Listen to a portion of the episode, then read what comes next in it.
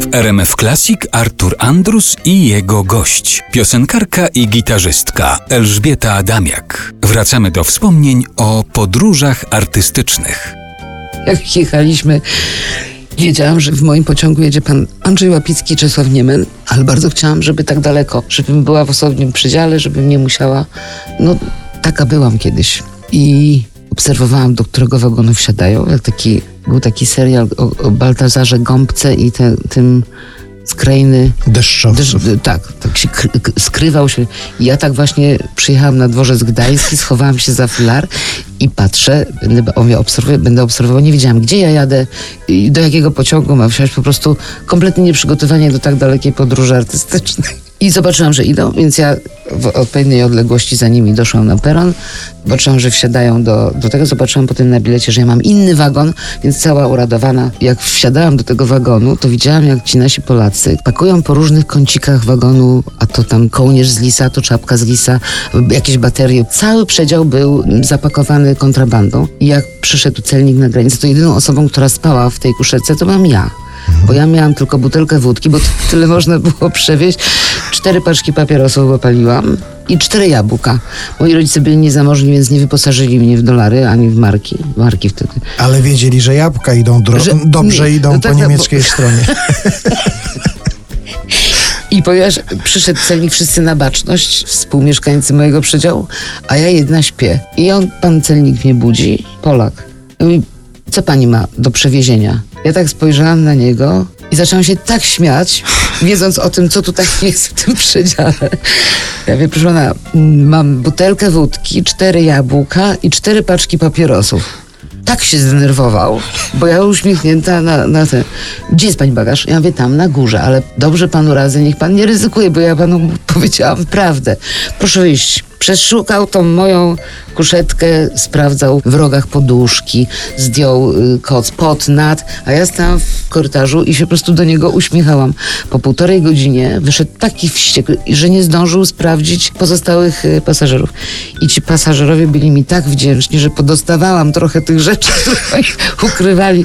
To baterie, a to jakieś ciasteczka, które wieźli, więc zostałam obdarowana jeszcze w Berlinie Wschodnim. Miałam co jeść momencie, kiedy przekroczyłam granicę, oprócz tych czterech ja- jabłek. Ja zasnęłam, bo podróż była nocą. Wszyscy moi podróżni, którzy byli ze mną, wysiedli w Berlinie Wschodnim. Ja jedna, jedyna przejechałam na stronę zachodnią. I w Hanowerze słyszę pani Elu, pani Elu. Przyszedł pan konduktor, który po niemiecku mnie pyta, gdzie. Ja mówię, na koncert. A gdzie? Nie wiem. No to jak? A, a tam są moi koledzy i oni wiedzą, gdzie, gdzie Mój będziemy kolega. Andrzej Łapicki panu powie. Niemcowi by to i tak nie, nie zrobiło. Nie zrobiłoby na Niemców wrażenia. Kiedy Ale to pani Elu, pani Elu, kto to? to Hanower, pan Łapicki Aha. chodził. Okazało się, że ja byłam w takim przedziale, który był w Hanowerze odłączany do innego składu. I gdyby mnie pan Andrzej Łapicki nie znalazł, to ja bym pojechała w ogóle gdzieś w jakiś świat y, szalony.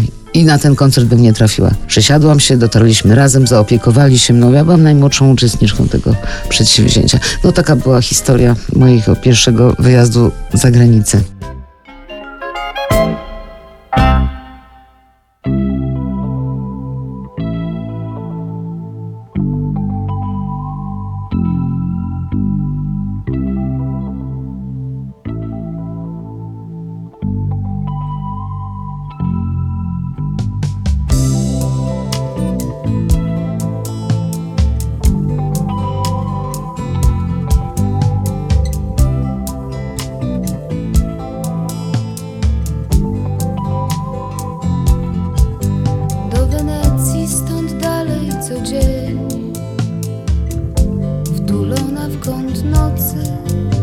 tańczy sen kolorowy.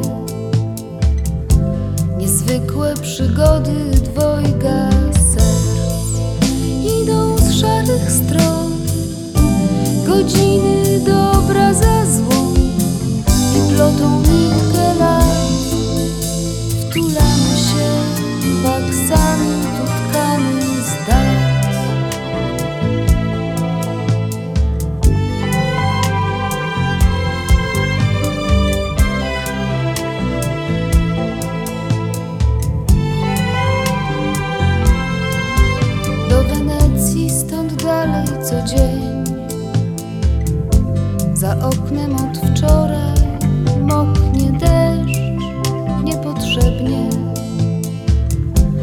Na Bugu przybyło ledwie pięć. Idą z szarych stron godziny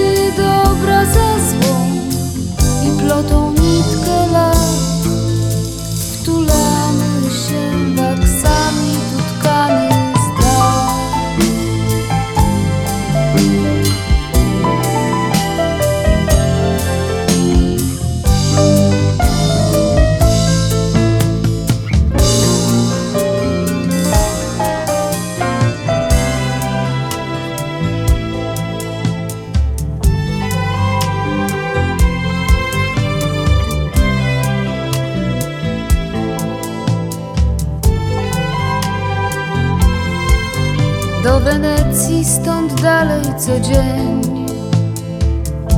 Wysprzątał się z kątu w tamten sen wywieruszył. Nadziei nakruszył w miód i drzew. Idą z szarych stron godziny dobra ze złą I plotą nitkę lat. Wtulamy się waksami tutaj circumstance